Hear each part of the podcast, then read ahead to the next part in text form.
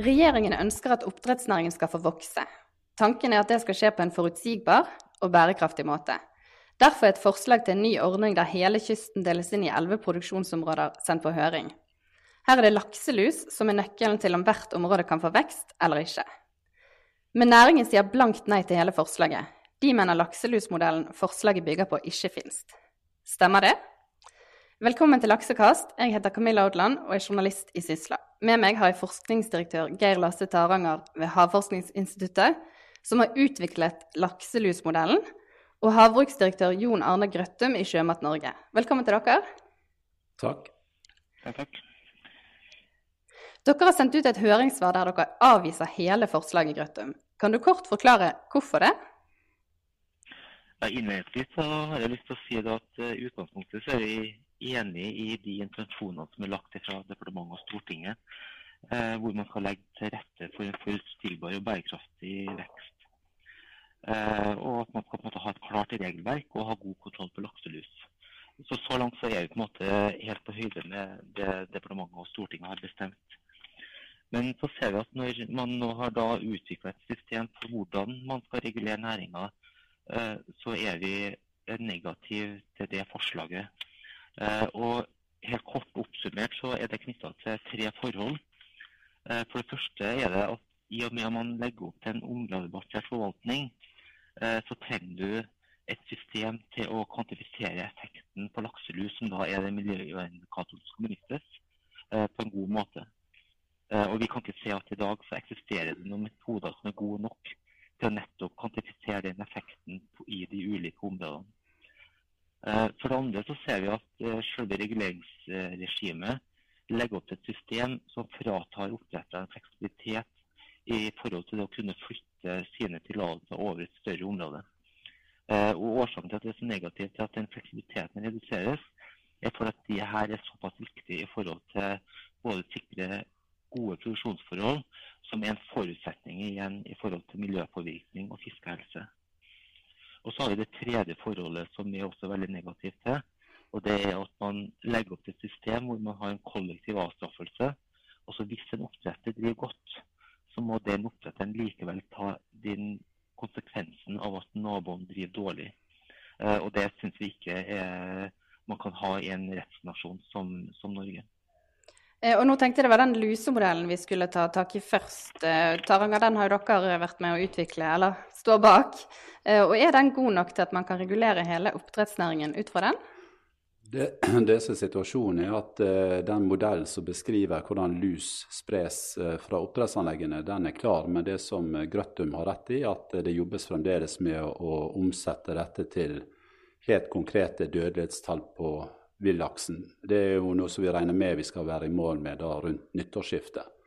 Sånn at jeg kan forstå at de er bekymret fordi at man ikke helt har sett sluttproduktet. Når det er sagt, så er det sånn at per i dag så regulerer man jo med de samme betingelsene langs hele kysten. Mens en oppdeling i produksjonsområder vil jo gjøre det mulig å tillate vekst i de områdene der bærekraftstilstanden er god, og at man da kan være strengere i de områdene der man ut ifra en totalvurdering mener at situasjonen ikke er god nok. Ser du det siste poenget, Grøtte? Jeg tror at Litt av hovedpoenget her er at de forskningsmiljøene som da uh, har vært med og jobba her, ble også pålagt til å uh, se på kunnskapsgrunnlaget som ligger i, i de modellene. og Det som er hovedkonklusjonen i den rapporten som da ble pålagt å lage, det er at arbeidet i de ulike arbeidsgruppene avdekker betydelige kunnskapshull på flere sentrale områder. Også vi mangler masse kunnskap i forhold til å etablere en slik modell. Og vi kan greie ikke å se at man skal komme i havn med en sånn modell til, til årsskiftet. Dette vil dra ut i mye lengre tid til at man har en, måte, en modell som er god nok til å regulere en så stor og viktig næring som havbruksnæringa er for Norge. Eh, og Det er derfor vi også har vært såpass negative i forhold til det, det at man legger opp en regulering basert på de her modellene. Og Hva gjør dere med de kunnskapshullene som ble påvist i rapporten som kom før sommeren? Eh, nå er det jo sånn at det har vært en ganske stor eh, det dugnad mellom forskningsmiljøene for å jobbe med ulike parallelle modeller for å kunne vurdere bærekraften i de her foreslåtte produksjonsområdene. Og det som er sikkert, er at vi har aldri hatt så mye datagrunnlag for å gjøre en sånn type vurdering sånn som det vi får nå i 2016. Det som vi holder på med nå, er en såkalt test, der vi tester en del forskjellige tilnærminger for å kunne svare opp imot de grenseverdiene som Stortinget har da bestemt skal gjelde for eh, påvirkning på vill laksefisk. Eh, det som blir spørsmålet, er jo om man klarer helt å beskrive dette eh, i prosentverdier da, til, til nyttår. Og det, sånn sett så kan det jo bli en eh, vurdering om eh, hvor god eller hvor nøyaktig disse ulike modellene er. da, Men samtidig så har man da et veldig bredt og stort vurderingsgrunnlag eh, totalt sett. Eh, men Grøttem, i høringssvaret fra Sjømat Norge, eh, som da representerer en samlet næring, så å si, eh, så slår dere fast at lakselus ikke representerer en risiko som er alvorlig eller uopprettelig for ørret og villaks. Mener dere at det ikke er så farlig med lakselus? Jo, absolutt. Vi tar lakselus på høyeste alvor. Men så har vi et litt spørsmålstegn om dimensjonen på den påvirkninga. Eh, det er mange som setter et likhetstegn mellom lakselus og variasjonene i laksepopulasjonene. Eh, det syns vi er direkte feil.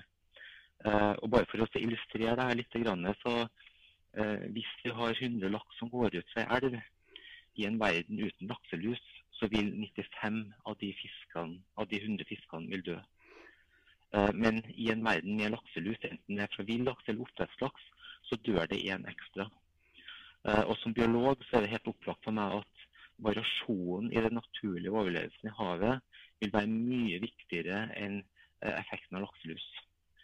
Så, så det som vi har vært liksom kritisk til, er at man som sagt hele tida har sett et likhetstegn nesten med, med variasjonen i overlevelse og lakselus. Og at det er på en måte lakselus som er helt avgjørende for hvorvidt du har eller hvorvidt, eh, laks og regnbueørret kommer til å greie seg fremover det, det er vi svært uenige i. Hva vil du si til det, Taranger? Ja, altså Hvis vi holder fast i det premisset at det er 95%, eller 95% altså overlever eh, sånn i snitt da, hvis det ikke var lus, og, og at det er 96, uh, eh, unnskyld, 95 som dør uh, under det normale, og 96 som uh, dør pga. lakselus, så er jo det en sånn ca. 20% økt dødelighet pga. lakselus. og Det vil jo etter da det som regjeringen har bestemt, kom i kategorien gult, altså moderat. Eh, og da vil jo det, hvis det var tilfellet, så i alle områdene, så vil jo det si ingen vekst. Nå har jo vi gitt ut risikovurderinger som tyder på at det går i grønt i mange områder de fleste år når det gjelder laksen. Derimot når det gjelder sjøørreten, så ser det ut som at det kanskje er mer sannsynlig at områder kan gå i rødt. Og hvordan man skal vektlegge mellom laks og sjøørret, er jo til syvende og sist et politisk spørsmål og et forvaltningsspørsmål. Sånn at eh, eh, Vi er helt enig i at man ikke kan sitte og se på variasjon i laksefangsten og vurdere tilstanden ut ifra det. Derfor så bruker vi helt andre metoder når vi skal vurdere om vi ligger f.eks. på 20 økt dødelighet. Ja, for... men, ja, du først. Jeg har, lyst, jeg, altså, jeg har egentlig lyst til å gå tilbake til det spørsmålet som du stilte Taranger i stad her. Eh, om, om, det manglende kunnskapsgrunnlaget i forhold til modellene. Eh, det Taranger svarte når du stilte spørsmål der, er at man driver verifiserer og tester ut de modellene.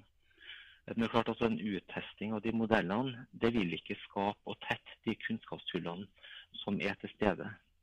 Eh, så, så, man kan ikke på en måte teste seg bort fra de kunnskapshullene. Eh, og så må vi også huske på at slikt arbeidet her er lagt opp. og den, Når vi snakker om en laksemodell, så er det egentlig tre modeller det er en modell som skal beskrive spredninga av laksenauplian, eller naupler fra oppdrettsanlegg. Du har en modell som beskriver utvandringa av laks fra elven. Og så har du en modell som skal si noe om hvordan den mengden med lus påvirker villfisken. Eh, og Det som er helt klart i den rapporten som viste i stad, er at hver av de modellene har en betydelig eh, usikkerhet, og understreker betydelig.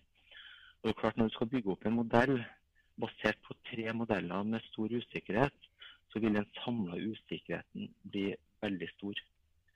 Eh, og, og, og, som sagt, Det er nettopp der hovedpoenget vårt er, i forhold til at vi er såpass negative til det inngangen som departementet har tatt i det arbeidet. her.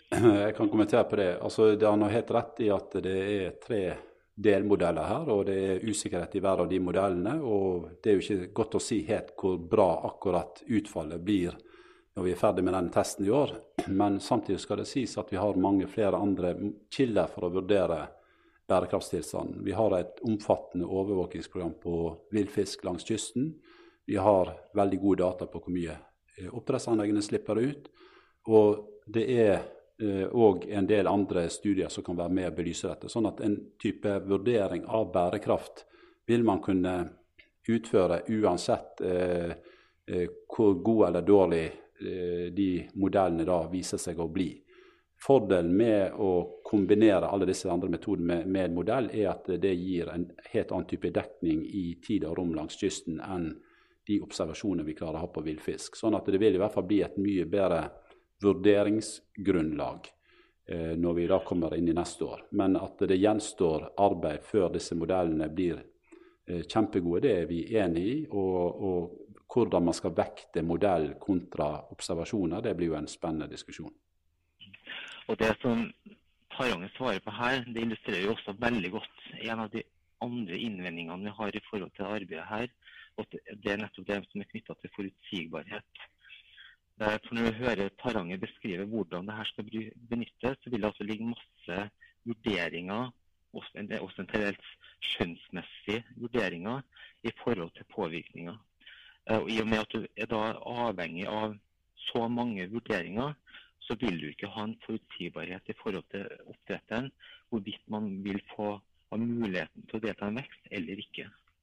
Eh, og når vi vet at det å bygge opp og ned produksjon er veldig komplisert. Det er veldig ressurskrevende, både um, økonomisk og menneskelig. Så, så sier det seg sjøl at du vil på en måte få et system som det er veldig vanskelig for en stor næring å forholde seg til. Ja, for Da tenkte jeg bare skulle kort oppsummere hva som ligger i det dere sier med rødt, grønt og gult. Eh, da er det lakselusmengden som skal bestemme. og Hvis man får eh, en viss mengde som innenfor rødt, så må dere rett og slett redusere produksjonen. Og blir det grønt, så har man lov til å øke produksjonen. Eh, men da er et spørsmål til deg, Taranga. Er det, riktig å la omfanget av lakselus bestemme om oppdrettsselskapene får vokse eller må redusere produksjonen? Ja, Det som ligger på bordet i høringsforslaget, er jo at en, eh, altså Hovedprinsippet er jo at eh, for at man skal kunne få vekst, så må påvirkningen på vill laksefisk være mindre enn 10% Men det som lå òg i høringssvaret, var flere alternative handlinger hvis man skulle da gå i rødt. F.eks. at man da bedriftene kan gå inn på en strengere lusegrense enn i dag, f.eks. 0,2 eller 0,1 kjønnsmonoholus som det heter, mens i dag er det 0,5 som gjelder hele året. Og Vi har jo kommentert nettopp i vårt høringssvar at nettopp en sånn type eh, det, Hvis bedriftene da velger en sånn eh, si, strengere grense, så vil de føre oss mye raskere mot eh, målet med å få ned lakselusutslippet. Sånn at Det var jo det tredje innvendingen som Sjømat Norge hadde. gikk jo på det med det de kaller for kollektiv avstraffelse. Men, men det, en, en, opsjon er jo da å redusere biomassen med 6% men det ligger på bordet da flere alternativer som kan være vel så effektive for å ta ned luseproblemet. Hva mener du der, Grøttum? Er det riktig å la lakselus bestemme om næringen får vokse eller må redusere?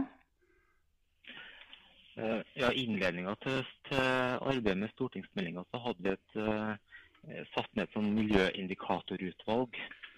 Uh, og, og, Det utvalget konkluderte med at uh, havbruksnæringa sin miljøutfordring er knytta til, til, lakselus. og det, det, er på en måte riktig å ta utgangspunkt i lakselus. Eh, og klart, Det er et veldig stort fokus på lakselus i næringa. Næringa bruker 5 milliarder i året både i bekjempelse og utvikling av nye behandlingsformer. Eh, så, så vi, vi, er enige i at det er lakselus som setter tempoet her.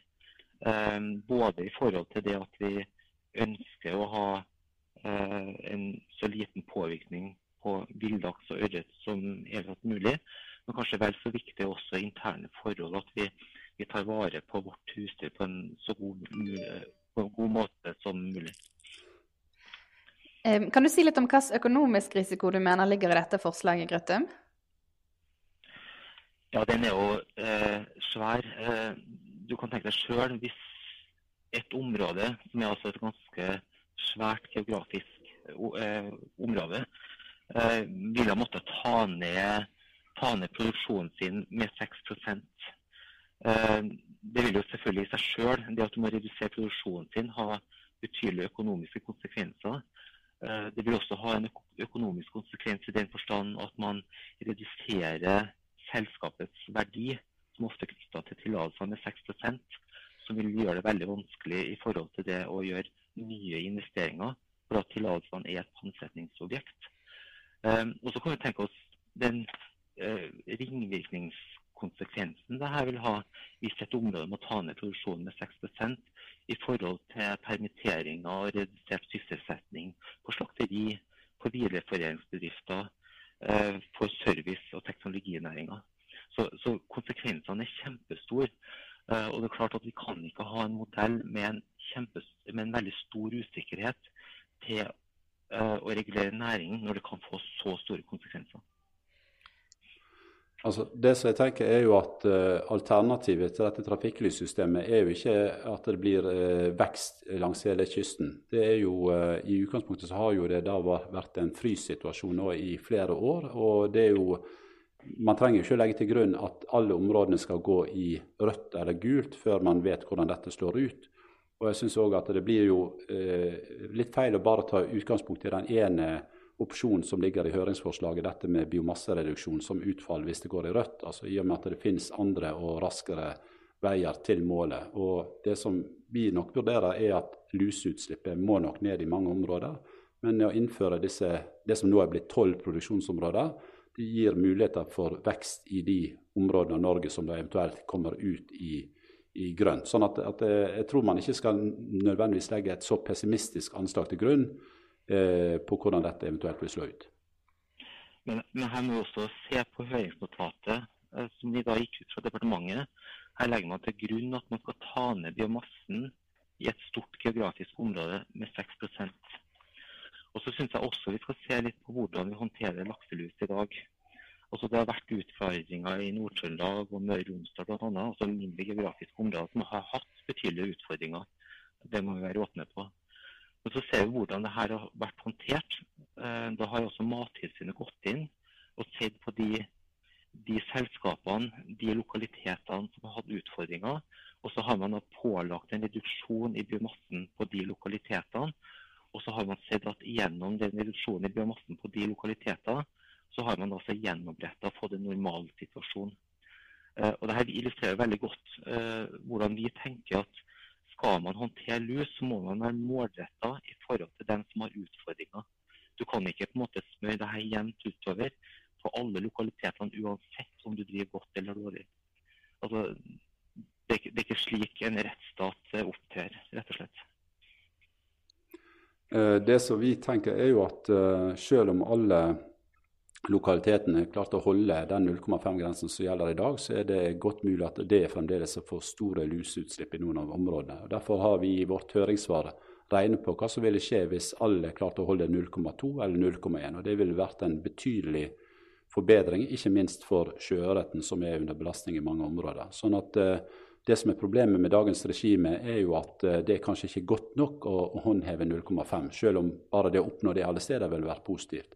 Sånn at, eh, og da er Det jo det som er litt utfordringen med å håndtere på lokaliteter, at du tar ikke nok høyde for den såkalte samlede belastningen. og Det er det dette nye systemet på en bedre måte vil ivareta. Det vil gi muligheter å, å få til vekst eh, innenfor eh, områder og, eh, som da er i god tilstand, mens per i dag så er jo hele landet satt i frys pga. at eh, man har uro rundt denne situasjonen. Ja, men Det er nettopp der vi er enige. fordi at Hvis alle har holdt seg på 0,2-0,3, så sier du sjøl at lut ikke har vært en utfordring.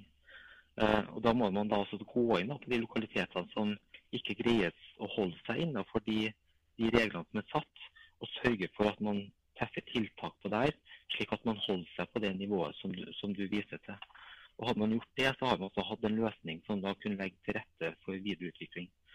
Og så er jeg helt enig med eh, Taranger her også at dessverre så har det vært slik at man har hatt noe over mange år eh, en situasjon hvor man ikke har tilrettelagt eh, til en vekst gjennom tildeling av nye tillatelser. Eh, og Det mener vi også er for dårlig. og Det er derfor vi også hadde så store forventninger til det arbeidet til departementet, hvor vi nå forventa at man igjen kunne uh, fått en videreutvikling av norsk havbruksnæring, som også da har stått stille siden 2012. Altså Vi har hatt en utflatning av produksjonen i 2012. Så Der også er vi enige med, med Taranger. Og da tenkte jeg at vi må nærme oss en avrunding her. Men jeg tenkte jeg skulle spørre deg, Taranger, hadde det vært lurt å vente til mer er på plass før man setter i gang hele dette nye systemet? Det kan godt være at eh, når det gjelder selve den summen av de tre modellene som ble nevnt her, at eh, det i seg selv ikke er solid nok når vi kommer til årsskiftet, og at man må gjøre en, en eh, sammensatt vurdering og om, om da forvaltning og og departementet mener at det er godt nok grunnlag, det, det vil jo vise seg. Um, vi jobber jo så raskt vi kan og, og, står på, så får vi se hvor godt det blir. Men jeg tror man skal, uh, man skal også se mulighetene som ligger i nettopp det å få en en måte områdevis vurdering. altså Jeg tror det kan faktisk gi grunnlag for den uh, veksten uh, som mange ønsker seg. Og da lar vi egentlig det være siste ord. Tusen takk skal dere ha, begge to.